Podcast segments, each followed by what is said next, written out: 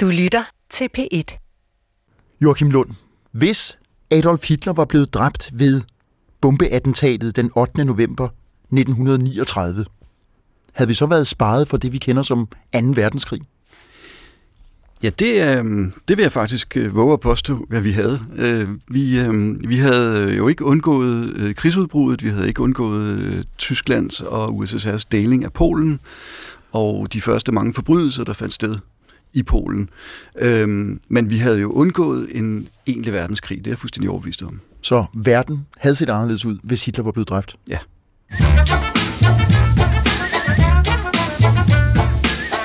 Nogle gange er historiens gang, på samme måde som ens eget liv, et spørgsmål om tilfældige hændelser. Til andre tider er den et resultat af bestemte beslutninger. Hvordan ville det for eksempel være gået, hvis Adolf Hitler, det nazistiske Tysklands fyrer, var blevet dræbt ved et af de mange attentatforsøg mod ham før 2. verdenskrig, eller senest den 20. juli 1944? Mit navn er Adam Holm, og jeg vil i denne serie se på nogle konkrete begivenheder, hvor historien kunne have fået et andet udfald. I den forbindelse kan det være nyttigt at vende historien på vrangen og kigge facit efter i sømmene. Måske det hele kunne have set anderledes ud, på godt og ondt. Velkommen til Hvad nu hvis?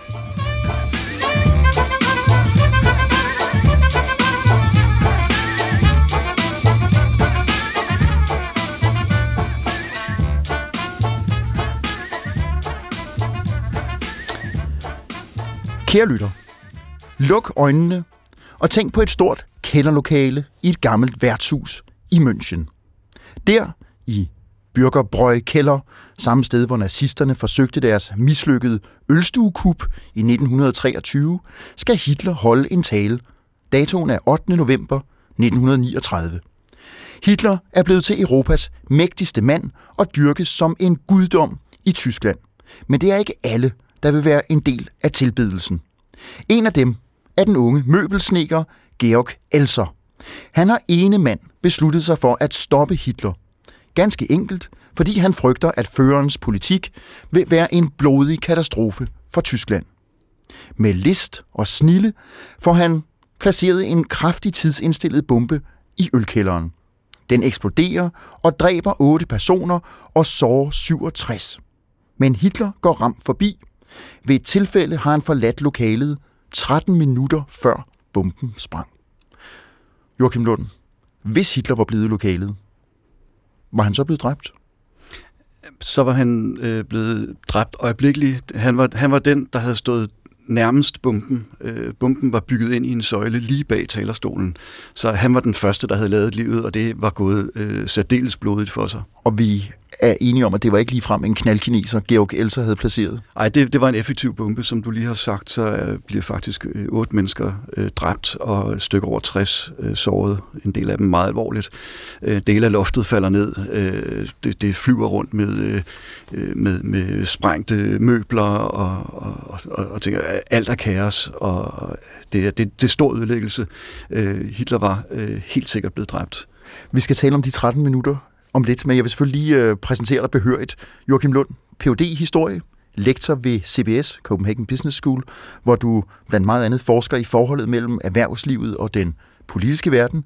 Din forskning og dine forskellige bøger og tidsskriftsartikler, og de er virkelig mange, skulle jeg hilse at sige, er hovedsageligt koncentreret om mellemkrigstiden og 2. verdenskrig.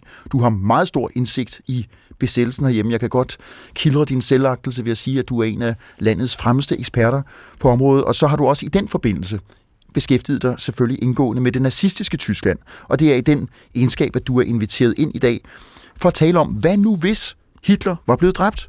Der var nemlig, det glemmer man måske, men der var indtil flere attentatforsøg mod ham, hvor de to øh, måske vigtigste af dem, vi skal tale om, det der fandt sted 8. november 1939, det jeg lige prøvede at sætte scenen for, og så det, der fandt sted 20. juli 1944. Joachim, inden vi går ind i, øh, i substansen, så øh, har jeg for vane i, det her, i den her serie lige at vende den kontrafaktiske disciplin med gæsterne. Og det gør jeg måske lidt slavisk, fordi at det sidder mig så meget på ryggraden. Og du og jeg, vi er jo uddannet omtrent samtidig på Københavns Universitet. Det var en tid, hvor man fik at vide, og altså blev slået over nallerne, hvis man kom til at sige kontrafaktisk. Det var ikke en, en måde at tænke historie på. Der er gået mange år, kan jeg godt afsløre, siden vi startede der i, øh, i slut 80'erne, start 90'erne. Hvordan har du, den modne historiker Joachim Lunde, i dag med den kontrafaktiske disciplin?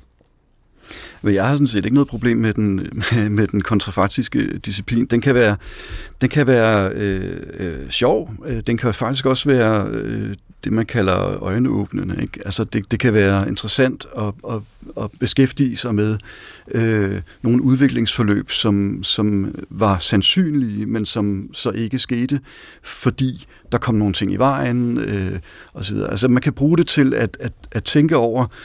Øh, Ja, altså som, som historiker, der afdækker vi jo øh, forløb øh, og årsager øh, og, og den slags strukturer og ting. Vi beskæftiger os jo med det, der rent faktisk skete, og, og hvorfor det skete. Og derfor kan kontrafaktisk historie jo blive lidt en, en, et, et, et sidespor. Ja. Men, men det kan jo godt være interessant alligevel, fordi når man, når man øh, beskæftiger sig med at afdække årsagsforklaringer, øh, øh, så siger man jo implicit eller eksplicit øh, noget om, hvor vigtige forskellige årsager har været. Og så er det jo en sjov øvelse at prøve at trække en eller flere årsager ud af ligningen, og forestille sig, hvad der så ville være sket. Okay, så, så det er ikke et fyrord, og det er ikke ren science fiction i din udlægning, at, altså, nu har du selvfølgelig også indvildet at komme i dag, så jeg går ud fra, at du er beredvillig interesseret, men, men det vil sige, det er, det er ikke noget, du skubber fra dig, som en, en, hvad skal vi sige, øh, en del af forståelsen af en historisk proces, at tænke imod det, der skete.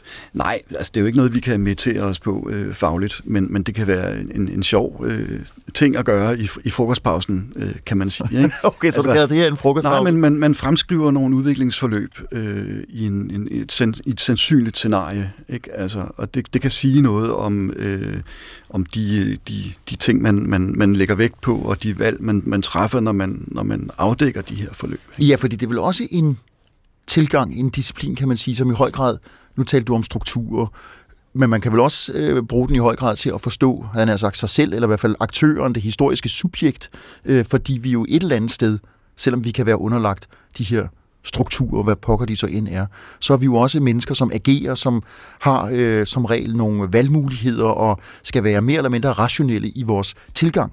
Så der kan man vel også tænke, ja, hvad nu hvis jeg øh, var gået øh, til venstre i stedet for til højre, eller øh, ikke var rejst til det land, eller ikke havde studeret historie? Kan du, ja. kan du følge den? Jamen, jamen sagtens, sagtens. Øhm, og, og, og igen, så, så kan man, det er jo, det er en, det er jo en lang tradition i, i, i vores fag, at, at lægge vægt på, på øh, enkeltpersoner og intentioner og øh, øh, altså enkelt menneskers øh, handlinger.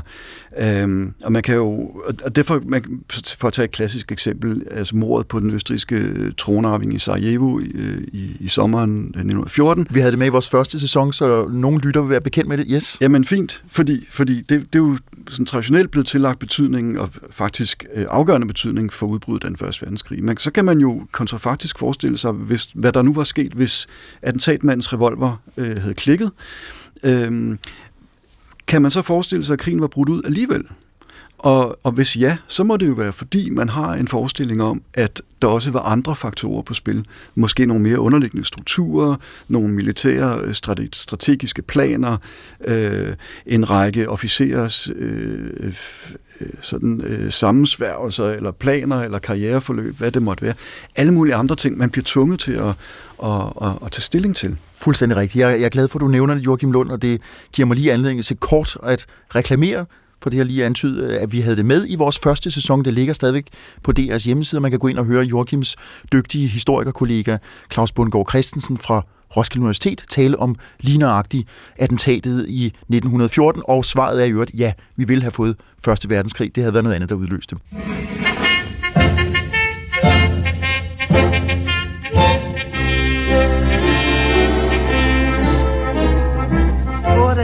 Kaserne vor dem großen Tor stand eine Laterne und steht sie noch davor.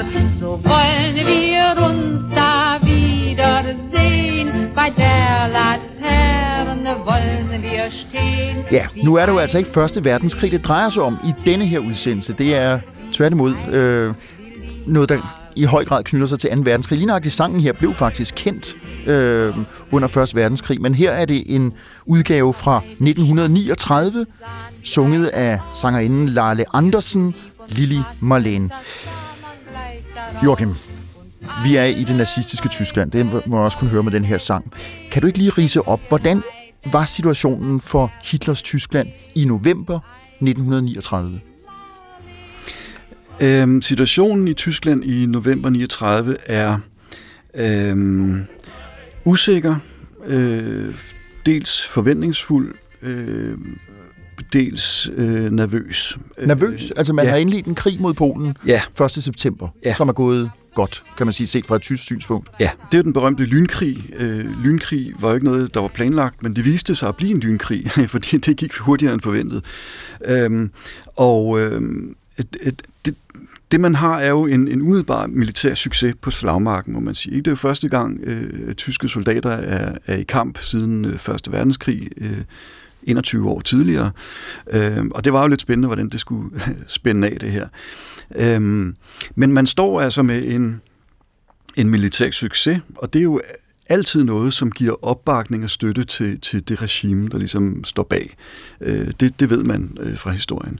Øh, og vi har, vi har rapporter, vi har engelske journalister i Berlin, som melder hjem til London, at øh, stemningen er fin, folk er mundre og går på café og drikker deres kaffe og deres øl. Og opbakningen til der fyre er stor? Opbakningen til der fyre er, er stor og uantastet. Øh, og, og det er jo sådan et stemningsbillede fra, fra Berlin. Øh, men der er, der er også andre, øh, andre stemningsberetninger. Vi ved fra den tyske øh, hemmelige øh, efterretningstjeneste, øh, at øh, der er en smule uro i arbejderkredse. Øh, der er en vis nervøsitet. Altså dels øh, var Første Verdenskrig jo faktisk ikke særlig langt væk. Det var 21 år siden, den sluttede. Og de fleste familier i Tyskland har jo øh, mistet øh, venner eller slægtninge i den krig på Øst- eller Vestfronten eller på havet. Øhm, og i hvert fald kunne alle jo huske den øh, katastrofale mangelsituation, man stod i. Altså det, det nærmede sig jo sult i mange tyske storbyer, og man havde levet af kulrabi en hel vinter, øh, og, og, og der var socialt sammenbrud og politisk sammenbrud, jo øh, kejseriet brød sammen, og der kom en ydmygende fred i Versailles.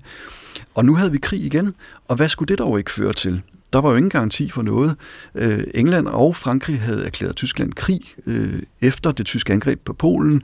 Hvad skulle det dog ende med?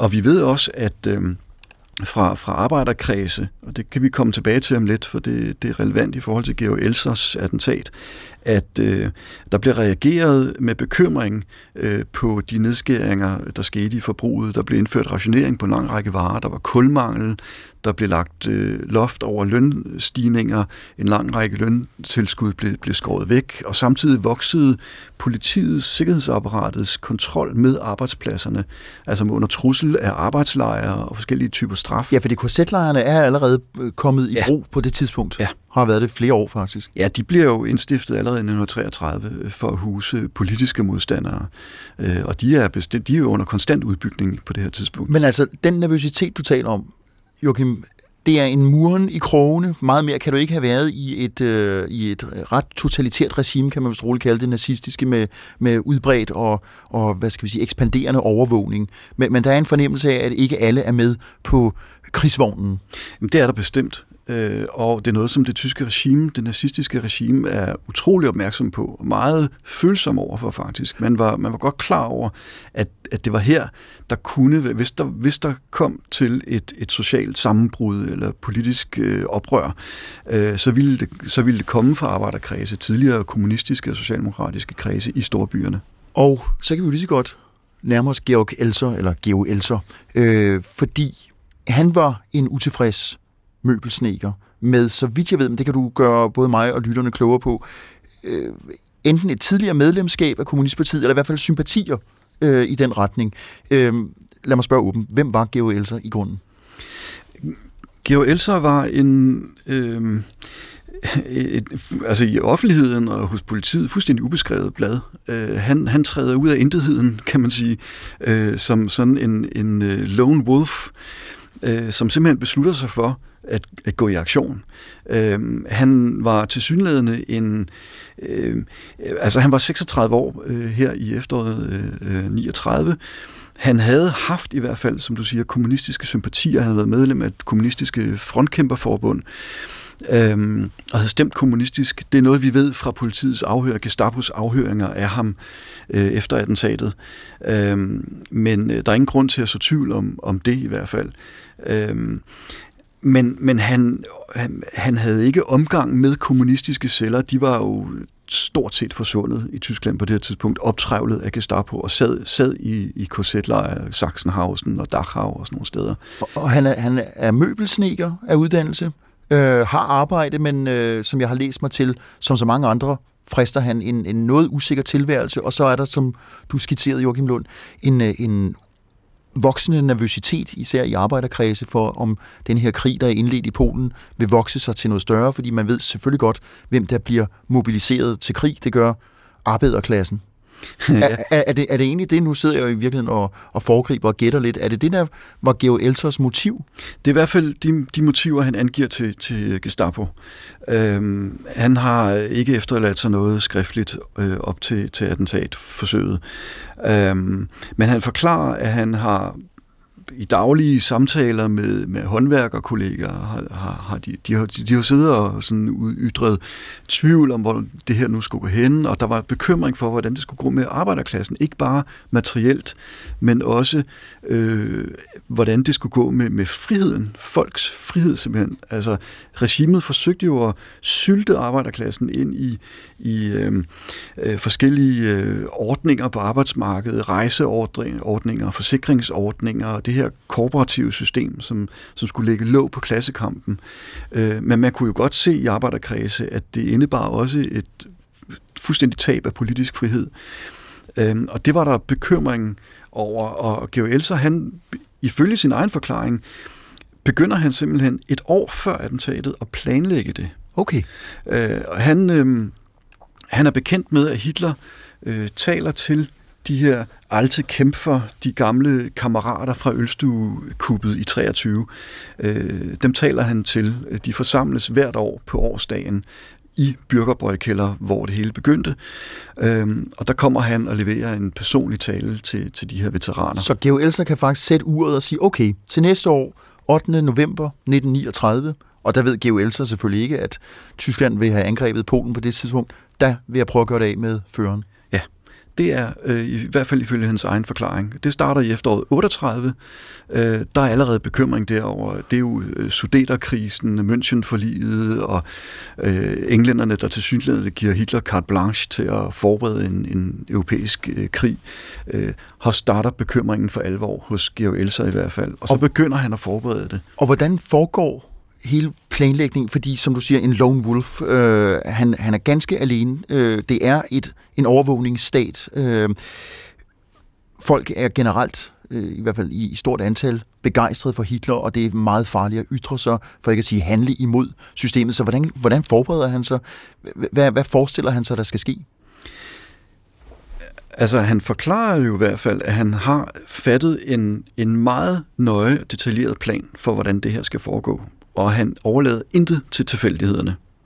Øh, og tilfældighederne spiller jo så alligevel ind, som vi ved i historien.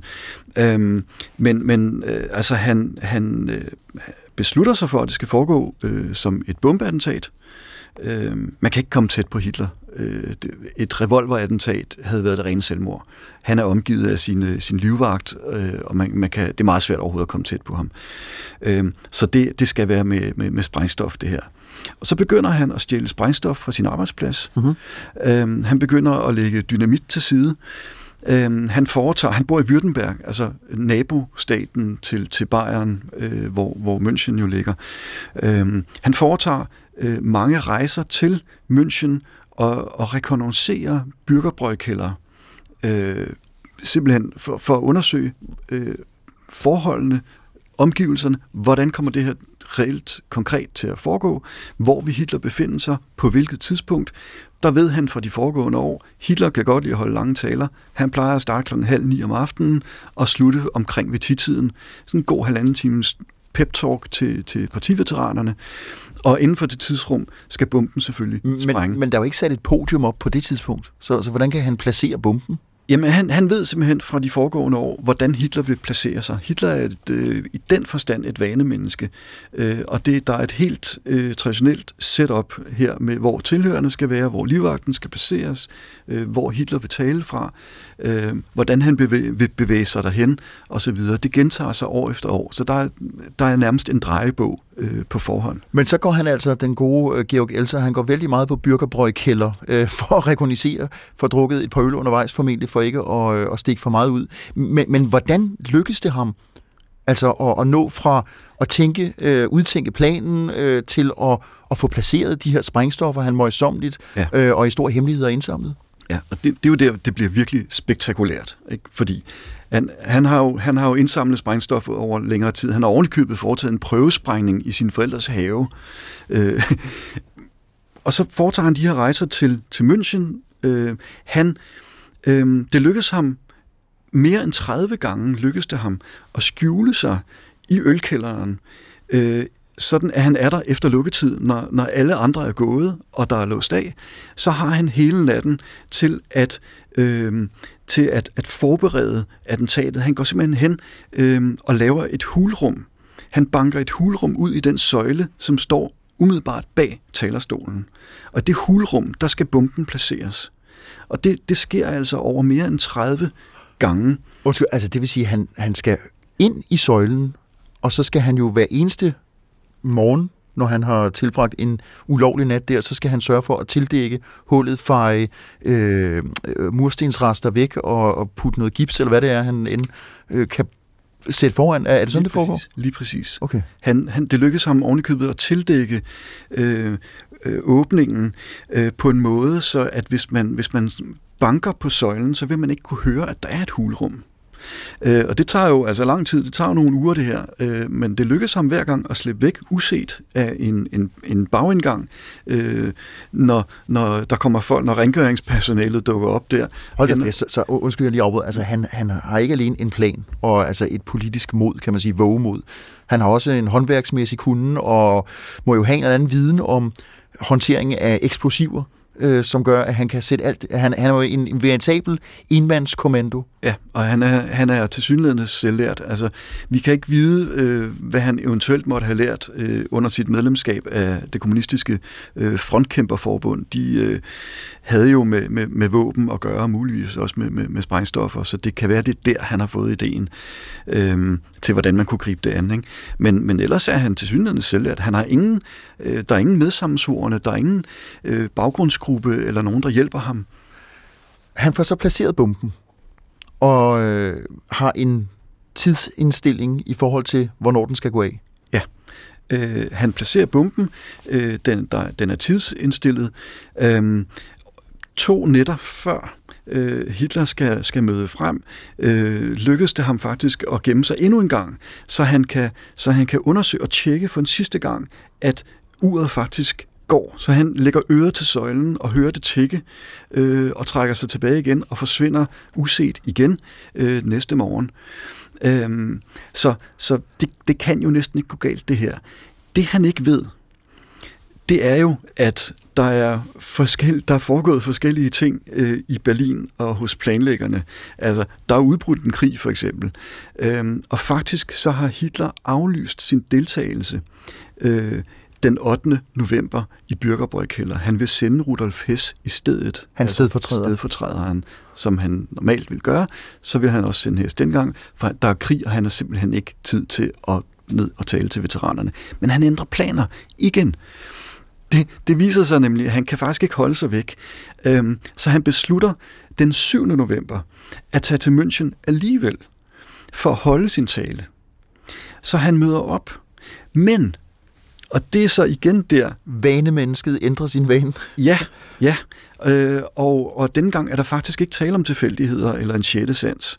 Der er simpelthen tale om, at Hitler skal være tilbage i Berlin natten til den 9. november, fordi man har man, man, man, har, man er jo i gang med at planlægge feltoget mod Frankrig på det tidspunkt. Det skulle faktisk have foregået i efteråret 39, øh, fordi man, havde, man var under tidspres her.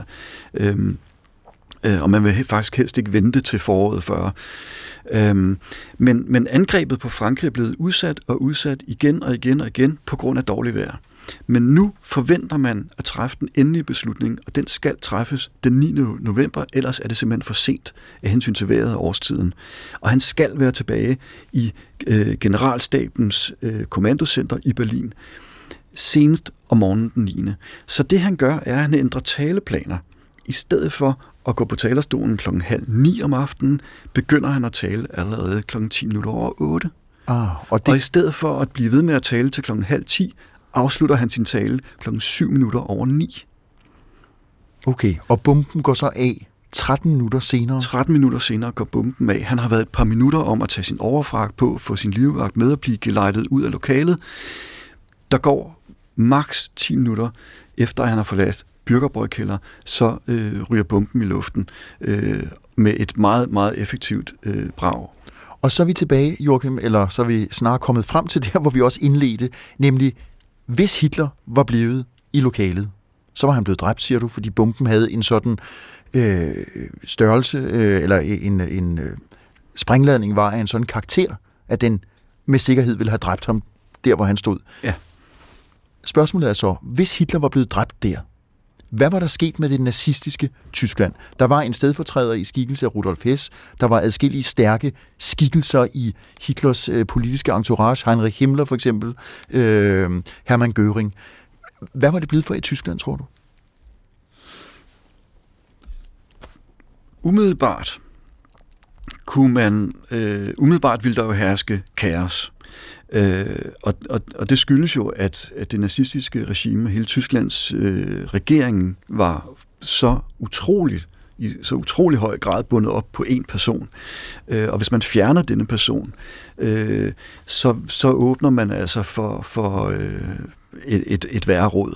Øh, formelt set var det Rudolf Hess, der var stedfortræder. Øh, han skulle så træde til, hvis føreren faldt bort af en eller anden grund. Men, men man ved, og det vidste man også dengang, Hess var og det var formodentlig derfor, han blev udnævnt til stedfortræder, øh, en, en svag og uselvstændig karakter. Han havde ikke holdt en halv time i det magtopgør, der havde fulgt efter Hitlers død. Så der var kommet en, på en måde en lang knivsnat 2, hvor man internt i det nazistiske hierarki ville have fjernet folk, eventuelt aflivet dem, sat dem i kashotten eller bare skubbet dem ud, og så måtte man se, hvem der vandt den blodige kappestrid. Er det sådan?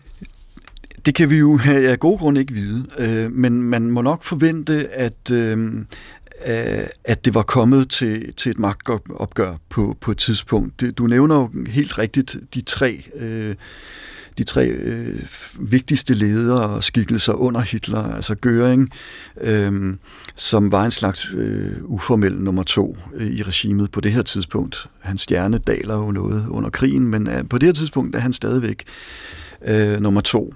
Og så er der jo Heinrich Himmler, øh, som du nævner, som er chef for SS, og hele, hele politiapparatet, som jo er en utrolig magtfuld position i, i sådan en diktatur som det tyske på det her tidspunkt. Øh, og den tredje er Goebbels, øh, som mange mennesker faktisk opfattede som nummer to efter Hitler, fordi han, han ofte øh, blev sendt ud øh, og holdt nogle brandtaler. Han var på mange måder en dygtigere taler end Hitler. Øh, og det var jo Hitlers berøring og kontakt til det tyske folk. Det var jo de her mange taler, han holdt fysisk og i radioen. Øhm, og Goebbels var mindst lige så dygtig til det, og havde øh, mindst lige så meget magt over folkesjælen, kan man sige det. Så der var de tre, og man kunne godt forestille sig måske umiddelbart, at en slags triumvirat, hvor de delte magten. Göring kunne blive måske regeringschef, øhm, Himmler ville, ud over chef for SS og politiet, ville han måske overtage kontrollen med militæret, fordi man ikke stolede det. De nazisterne stolede ikke på det tyske militær på det tidspunkt. Øhm, og Goebbels kunne man forestille sig som en position som chef for partiet. Og så havde de delt magten på, det, på den her måde mellem sig. Men det Tyskland, som så kunne være blevet ledet af det her triumvirat, vil det have været et Tyskland, som vil have fortsat planlægningen af en offensiv mod Frankrig og i den forbindelse måske også have tænkt, at de skulle nordover, altså øh, Norge, og det blev så også Danmarks skæbne i den sammenhæng, øh, eller ville det have været i Tyskland, som koncentrerede sig om at holde Polen, og måske øh, ekspandere østpå, altså angribe Sovjetunionen på et tidspunkt. Hvad, hvad, hvad vil være sandsynligt? Og jeg er jo med på, at vi er ude i noget, vi tror og antager og formoder. Men hvad, hvad tror du, Joachim? Altså, vi skal jo i det kontrafaktiske skal vi jo, skal vi jo holde os så tæt på de faktiske begivenheder som muligt, for at ligesom sandsynliggøre det, det her alternative forløb. Øhm, og der, der vil det nok være rimeligt at forestille sig, at, øhm, som jeg også sagde indledningsvis, verdenskrigen var faktisk blevet stoppet. Der er en drivkraft bag øh, Tysklands øh, vej mod verdenskrigen og den store katastrofe, og det er Hitler. Når man fjerner ham, så forsvinder simpelthen det... Øhm, Jamen de andre var der også nogle, som holdt det. Ja, nogle hæftige ideologer. Ja, det var de bestemt. Øh, på, på hver sin façon. Øh, men vi ved for eksempel, at Göring var, var skræmt for videresands over det, det britiske luftvåben. Øh, England ville han faktisk helst ikke i krig med. Øh, Goebbels var fanatisk kommunisthader øh, og så gerne et endeligt opgør med, med russerne, men var ikke specielt interesseret i, at, i en krig med Vesten. Øh, altså, der var forskellige interesser her. Øh, man, havde, man havde formodentlig forsøgt at holde på Polen og de erobringer, man havde gjort.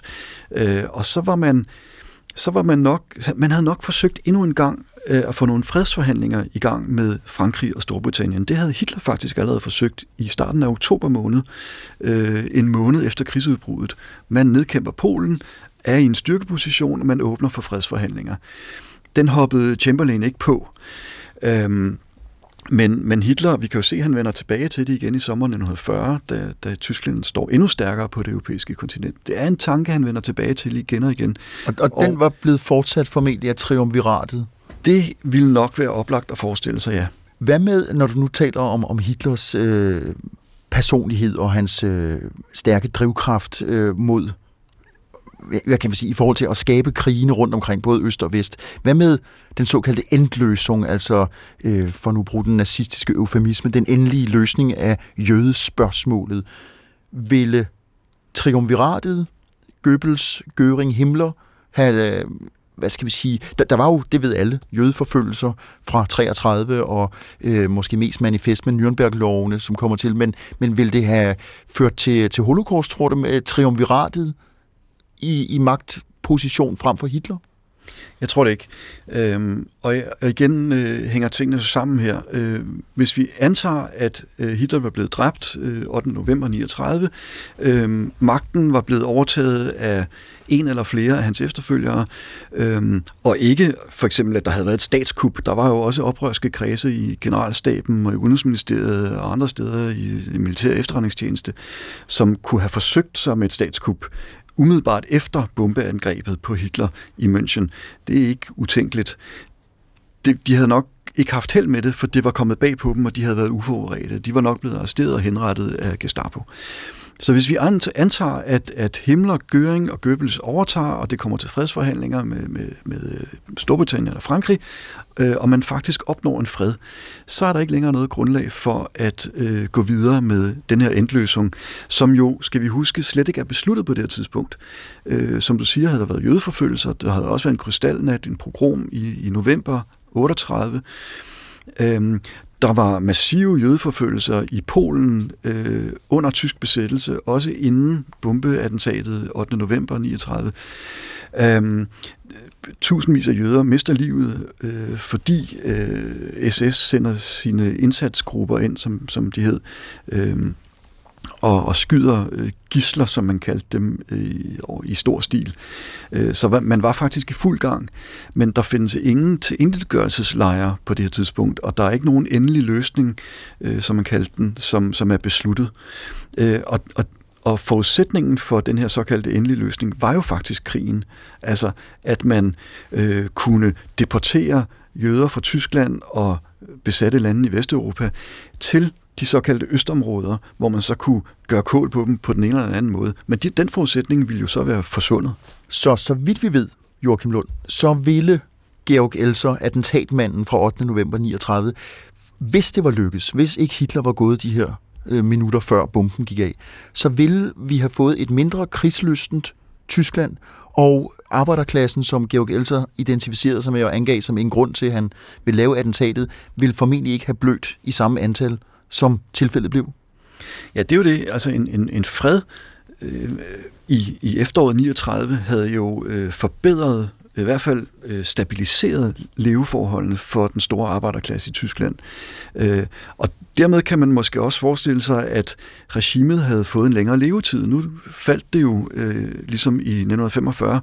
Øh, men hvis det ikke var blevet til en verdenskrig, og der var blevet fred i efteråret 39, kunne man jo godt forestille sig i Tyskland under et nazistisk diktatur, som fik en lige så lang levetid som, hvad skal vi sige, det øh, socialistiske Sovjetunionen, som jo først brød sammen i 90-91. Uff. Frygtelig tanke. Øh, vi skal også tale om et andet attentat. Jeg skal selvfølgelig lige afrundingsvis sige, at Georg Elser Joachim Lund har også strejfet det. En grund til, at Joachim kan vide sig forholdsvis meget om øh, Elsers øh, tankegang, var, at han blev arresteret og afhørt og øh, blev henrettet en måneds tid før ret sent jo, øh, før krigens afslutning, altså en gang i april 45. Det er rigtigt.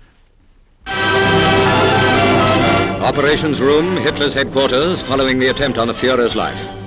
Conjecture runs high as to whether in fact he did escape at the time, or succumbed later to his injuries. These are the German newsreel pictures put out to dispel rumor in the Reich. Rumor which, if anything, has grown over the weeks of his continued silence. According to Goebbels, everyone at the conference, with the exception of General Korten and the Führer, was blown out of the windows by the bomb. A black-cloaked Hitler stands on the platform to welcome the deflated Duce. From beneath concealing folds, he extends his left hand in greeting. Marvellous how he got away with such minor injury and shock. Graziani, Mussolini's sidekick, also joins in the chorus of Heils. Yes, thank you very much, old chap. Det var fra BBC. En, øh, en reportage, kan man vel kalde det, øh, fra sommeren 44. Nu er vi altså, skynder mig lige at understrege, vi er sprunget et stykke i historien, eller i kronologien fra 8. november 1939, et mislykket attentat, til et andet mislykket, men øh, også meget spektakulært attentat. Det fandt sted 20. juli 1944, og i modsætning til attentatet i 39, så fik det her verdensomspændende opmærksomhed. Vi er altså i, øh, i 2. verdenskrig. Øh, den blusser og brager og er meget blodig, og et forsøg på der Führers liv er selvfølgelig i den grad en, øh, en nyhedsinteresse for de allierede, som vi her hører i det britiske klip. Det var en krigserfaren og højt dekoreret officer ved navn Klaus von Stauffenberg, der forsøgte at placere en bombe i Hitlers øh, hovedkvarter i det østlige Polen, Wolfsganse. Øh, det var en ledermappe med sprængstoffer. Den var placeret meget tæt på der fyrer. Klaus von Stauffenberg var inviteret med til et, øh, ja, en form for orienteringsmøde. Det lykkedes altså ikke. Joachim Lund, nu springer vi til det andet store attentat. Hvorfor vågede en mand som von Stauffenberg overhovedet at bryde den ed, han i lighed med alle andre soldater og officerer i, øh, i det tredje riges øh, væbnede korps har aflagt over for føreren? Det øh, er en ed, som han, han bryder efter øh, svære kvaler, øh, skal siges. Øh, fordi øh, man kan sige, der er simpelthen kommet for stor modstrid mellem øh, hans loyalitet over for øh, Tyskland og hans loyalitet over for Hitler. Der er en grund til, at Hitler har indført en personlig troskabsid fra officererne i værnemagten til føreren himself. Altså, øh, det, det fandtes faktisk ikke før. Øhm, men, men han forsøger at binde øh, militæret til sig. Militæret, som jo repræsenterede på mange måder det gamle øh, Tyskland, monarkiet, traditionerne fra kejseriet, øh, og hvor han vidste, at der var modstand mod øh, nazismen. Nazismen, som blev opfattet som nogen, et pøbelvælde øh, af mange af de gamle generaler, ikke? Øh, og nogen øh, nogle, øh, nogle lømler, som var kommet til magten, uden egentlig at vide, hvad de skulle med den, og, og så videre. Ikke? Og de kastede vrag på de gode gamle kristne konservative dyder, og så videre, og så videre. Ikke? Der var modstand mod Hitler og nazismen, i, øh, særligt i herrens generalstab. Øh, og Stauffenberg er en af dem, der har været, øh, der har været modstander af nazismen længe.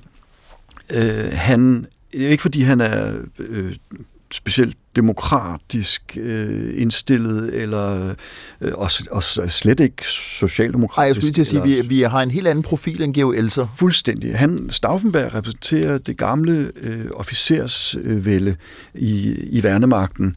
Øh, de fine gamle traditioner, med, hvor, hvor æren var noget, man, man satte højt, og nærmest var det vigtigste af alt og hvor man aldrig svigtede, og hvor man altid adlød en ordre osv. osv.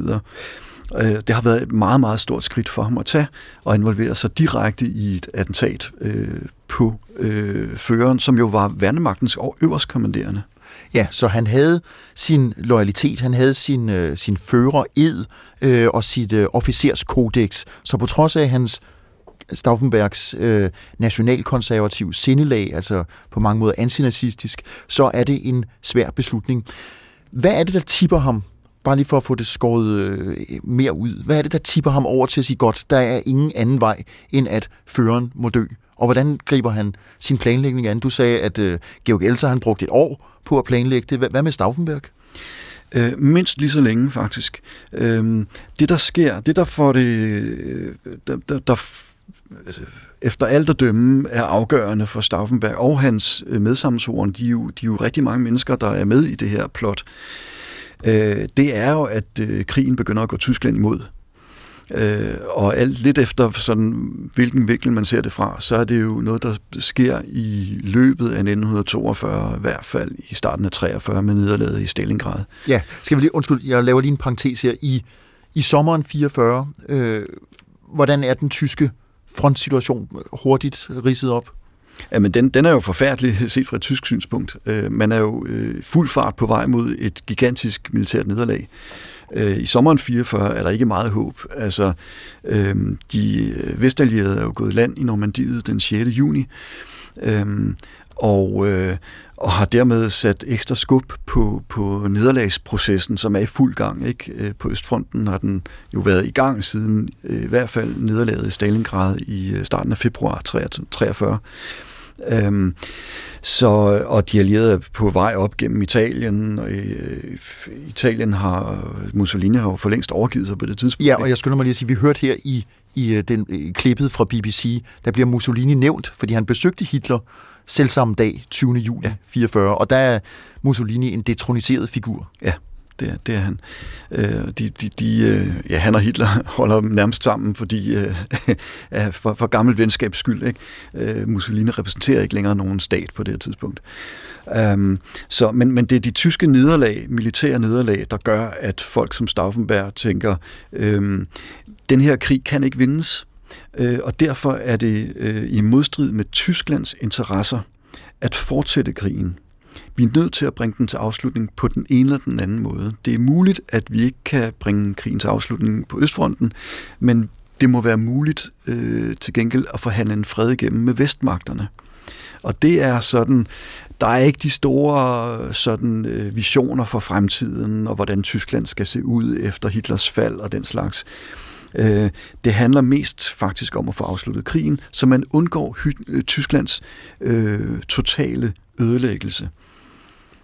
Og så er det, at Stauffenberg sammen med en gruppe øh, medkonspiratorer beslutter sig for, at det er føreren, man skal ramme, fordi det er den eneste måde at få øh, afsluttet krigen på, for så er der jo ikke længere den person, man har aflagt sin øh, troskabsed overfor. Hvad, hvad gør Stauffenberg? Hvad, hvad sker der i, øh, ja, i virkeligheden på attentatdagen? Jamen, altså han har, øh, han, han har jo, det skal, det skal lige med, at han jo har opbygget et, et netværk i, af modstandslommer. Øh, forskellige kontakter bliver knyttet mellem de her folk fra, fra Generalstaben, Udenrigsministeriet og for, forskellige andre. Øh, den militære efterretningstjeneste blandt andet. Øhm, og der er adskillige forsøg på Hitlers liv faktisk, der går forud for 20. juli-attentatet. Øh, det er måske sjovt lige at få med. Altså i altså, perioden fra Elsers attentat og til 20. juli? Øh, fra 1943. De begynder at tale om at gøre planerne konkrete i løbet af 1942, og i marts 43 kommer det første reelle forsøg, hvor det lykkes, øh, det er jo ikke Stauffenberg her, men en, en anden officer, øh, som, som det lykkes at placere en bombe i det fly, som skal bringe Hitler tilbage til Berlin fra et besøg i Smolensk på den hvide russiske front. Øh, af forskellige årsager, man kender dem jo ikke, øh, går bomben ikke af, men hvis den var gået af, så var Hitler altså drættet ned et sted i Polen øh, i marts, den 13. marts 1943. Øh, det for, bomben går ikke af, og det er formodentlig fordi, på grund af den isnende kulde i de højder, øh, som, som gør noget ved sprængstoffet, at det ikke har reageret, som det skulle. Øh, og der er indtil flere andre øh, forsøg på Hitlers liv, faktisk. Øh, det, der er forskelligt, det er, at den 20. juli, der er det Stauffenberg, som har personlig adgang til Hitler. Han er blevet udnævnt til næstkommanderende øh, i det, eller, eller stabschef i den øh, tyske hjemmehær, reservehæren, og får dermed adgang til de militære briefings, der finder sted i Hitlers hovedkvarter i, i Østpreussen, tæt på fronten. Og derfor øh, kan han faktisk smule sprængstoffer med i sin taske øh, på flyet til Ulveskansen, Hitlers hovedkvarter. Men, men kunne man bare det? Altså jeg tænker, der var jo stadigvæk et stort sikkerhedsapparat omkring Hitler, og øh, med tanke på, at der var det må Sikkerhedstjenesten jo have, have vidst, øh, også ulmende uro blandt officerer, øh, så skal man vel krydstjekkes og, og undersøges på alle mulige måder, eller hvad? Stauffenberg hørte simpelthen til øh, den gruppe øh, officerer, som man betragtede som, som lojal. Altså, der bliver jo lavet baggrundstjek og alt muligt på de her folk, og man havde simpelthen ikke forestillet sig, at, øh, at han kunne være til fare, ligesom man heller ikke forestillede sig, at andre af de 20, 25, 30 mennesker, der normalt var til stede ved de her briefings, kunne være til fare for Hitler. Man mente faktisk, at man på ret sikker grund her. Og så sker der sådan nogle ting, at man kommer til at lade være med at tjekke folks øh, tasker og overtøj. Og i en taske, ledertaske, attaché er det vist, der har Stauffenberg medbragt Ja, ja, hvad har han egentlig i tasken? Det er jeg ikke selv sikker på. Det, det, det lykkes at, at, at smule ind. Det er to bomber. Øhm, og øh, øh, Stauffenberg ankommer lidt forsinket med flyvemaskinen fra Berlin og bliver modtaget af sine medsammensvorene øh, på øh, området øh, og bliver gelejtet ind af forskellige porte og af livvagter ind til det allerhelligste, kan man sige. Ikke? Øhm, og han beder om lige at få lov til at vaske sig og skifte skjorte efter den lange rejse. Øh, det, får han, det får han lov til, men han får besked, at han skal skynde sig, fordi, øh, fordi briefingen er, øh, er lagt en halv time tidligere end planlagt af forskellige årsager. Okay, så det er vist nok, er der fordi Mussolini skal, skal komme på besøg. Mm-hmm. Så her er også en tidsforskydelse. Og lige præcis den halve time gør, at han, da han så går ud på toilettet sammen med sine medsammersordene, og de begynder at gøre bomberne klar, øhm, og, og indstille øh, øh, øh, tidsmekanismen, øh, så den udløses på et bestemt tidspunkt, så har de faktisk, så, så begynder øh, vagterne og ordonnanserne at begynder at banke på og sige, nu skal jeg så altså komme, for Hitler øh, er ankommet, og vi er klar til at gå i gang. Så de når kun at aktivere den ene af de to bomber. De skynder sig ind. Han får givet Hitler hånden. Øhm, Hitler er fraværende. Han er ved at høre på en briefing fra, fra en af officererne, hvordan situationen er ved Østfronten. Stauffenberg får placeret sig, han beder faktisk om at blive placeret tæt på Hitler, fordi han har dårlig hørelse på det ene øre, øh, efter øh, nogle militære begivenheder. Ja, han har været ved fronten og er jo selv blevet såret. Simpelthen, ja. Øh, øh, så derfor, og det er der ingen problemer i, så han bliver faktisk placeret lige ved siden Hitler. Øh, det lykkedes ham at placere sin, øh, sin øh, lædertaske op af et øh, bordben, og, og få minutter senere undskylder han sig, rejser sig og forlader lokalet. Det er normalt. Der folk kommer og går. Øh, øh, det er normalt. Han ja. efterlader faktisk sin kasket på bordet som en slags tegn på, at han selvfølgelig har tænkt sig at vende tilbage lige om lidt. Ja, så det, det er i hvert fald ikke en selvmordsmission. Det er en del af et, et større plot, eller komplot, kan man vel godt sige. Det er det. Det er det. Og en del af plottet er, at Stauffenberg skal ud i en flyvemaskine til Berlin så hurtigt, som det overhovedet kan lade sig gøre, for man har brug for ham i Berlin. Okay, så kasketten ligger på bordet. Stauffenberg har undskyldt sig med et eller andet uopsætteligt ærne er gået ud. Hitler har formentlig ikke noteret det, fordi han er fraværende og er i øvrigt også sygdomssvækket på det tidspunkt. Bomben er derinde. Den ene aktiverede bombe. Hvad sker der så? Ja, det er jo et sammenfald igen af, af, af, af tilfældigheder her. Det er kun den ene bombe, der er aktiveret. Øhm, visse af de her øh, briefings fandt sted i en træbarak. Andre fandt sted i en betonbunker, og hvis, det, hvis dette her møde havde fundet sted i, inden for øh, to meter tykke betonvægge, så var eksplosionen, den havde rettet sig ind efter i lokalet øhm, og, og havde formodentlig slået alle til stedværende ihjel. Men fordi det er en træbarak, så retter eksplosionen sig ud efter og blæser taget af bygningen og væggene ud, og derfor bliver effekten mindre. Dertil kommer, at Hitler står bøjet over et massivt egetræsspor. Øh, han, han er ved at studere nogle kort på det tidspunkt, så hans ben bliver meget hårdt medtaget, men faktisk sker der ikke andet med ham. Øh, han, han får nogle skader på, på øret, hans tøj står i flammer, altså det, jo, det går jo luften med et kæmpe brag det her, ikke? Øh, øh møbler flyver gennem luften, papir og materiale, øh, alt er kaos. Øh, der, det, der er tilbage af barakken, bryder i, i, i brand. Og, og der er også dræbte. Der råber skrig, sårede, der råber efter hjælp. Øh, man forsøger at hjælpe så godt man kan. Øh, øh, der er ingen umiddelbart dræbte, men i dagene efter er der øh, fire eller fem, der afgår ved ja. døden. Øh, så det er absolut en, en effektiv bombe. Der er ingen tvivl om, hvis begge bomberne var gået af, øh, så havde de formodentlig taget Hitler med. Øhm, og, men, og, og så er det, vi lige stopper her, fordi øh, det er det kontrafaktiske, der optager os trods alt. Hvis Hitler var blevet dræbt der, hvis ikke endnu et sæt af tilfældigheder, der er vist også noget med, der kan du lige korrigere mig, Joachim Lund, at Hitler vist nok kom til at sparke en lille smule til, eller skubbe en lille smule til bordet, hvilket rykkede ledermappen, hvor bomben var placeret lige nøjagtigt sådan, så at, at den ikke helt fik heller den effekt, på trods af det, du også beskrev, at trykket rettede sig ud af. Så, så der er øh, elementer af tilfældigheder her. Hvis Hitler var blevet slået ihjel, 20. juli 44, på et tidspunkt, hvor de tyske fronter står virkelig dårligt. Var Stauffenberg og hans medsamsvorene så lykkes med deres plan at få altså simpelthen sluttet øh, fred rundt omkring og, og stoppet øh, øh, en, en påtænkt allieret invasion af Tyskland? Jeg tror det ikke. Altså, situationen her er jo afgørende forskellig fra den i efteråret 39. Vi har en, øh, en, en reel verdenskrig i gang. Øh, alle stormagter er involveret. Krigen er global. Øh, de allierede har besluttet, øh, at det eneste, man, man øh, ville gå efter, det var Tysklands betingelsesløse kapitulation. Det vil sige, der er ikke, det ligger ikke i kortene, at der skal forhandles noget som helst her. Og det kunne godt være, at Hitler var blevet afskaffet, så at sige, af Stauffenbergs bombe, men, men der havde stået folk øh, klar til at overtage den militære ledelse, såvel som den, den politimæssige, øh, sikkerhedsmæssige. Øhm, det var formodentlig kommet til opgør i Berlin mellem øh, tropper, der var tro mod Stauffenberg og hans øh, kompaner, og så SS på den anden side. Og det kom jo til de opgør, skal det så siges? Øh, det, det kom i hvert fald til, til så langt, at, øh, at øh, Gestapo SS indfinder sig i øh, det militære hovedkvarter i øh, Bendlerstrasse øh, og, og får arresteret øh, dem af de medsamsorerne, som er til stede her. Øh, Stauffenberg er selv lige ankommet. Øh, Werner von Heften, hans øh, tætteste samarbejdspartner, men også Ludwig Beck, den tidligere øh, øverstkommanderende for hæren, øh, og andre tilstedeværende. De bliver simpelthen øh, trukket ned i gården og skudt Ja, og det blev jo også Stauffenbergs skæbne, som du siger. Ja. Men, men jeg holder bare lige fast, hvis det var lykkes, sådan som Stauffenberg og hans øh, medofficerer havde tænkt.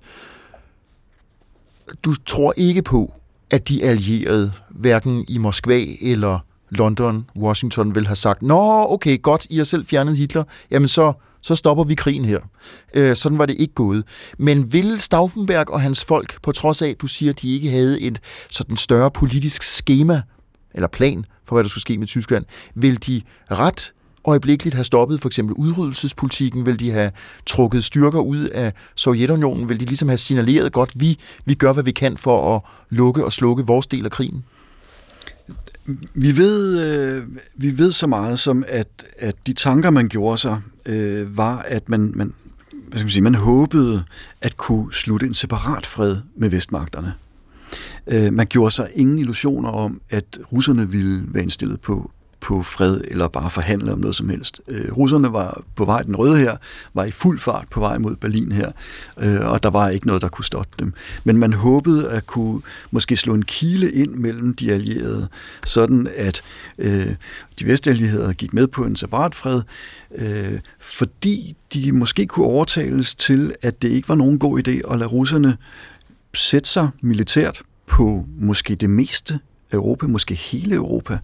Øh, altså, Fordi der selvfølgelig i London og Washington var en, en angst og, og også en antipati mod kommunismen, angst for kommunismen og, og uvilje mod den. Ja, helt sikkert. Helt sikkert. Altså, det, det var jo et skrækscenarie, og det var jo også derfor, man, man var gået ind på at, at, at øh, skal vi sige, gå i land i Normandiet og lave åbne en vestfront.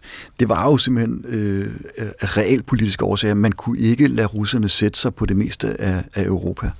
Så vi kan sige, Joachim, nu prøver jeg bare lige at opsummere en smule, at attentatet, det mislykkede attentat 8. november 39, vil med temmelig stor sandsynlighed have ændret noget på Europa, Europas øh, udvikling. Der vil ikke have været den massive krig, som vi øh, kom til at, at kende, og som Europa blev kastet ud i.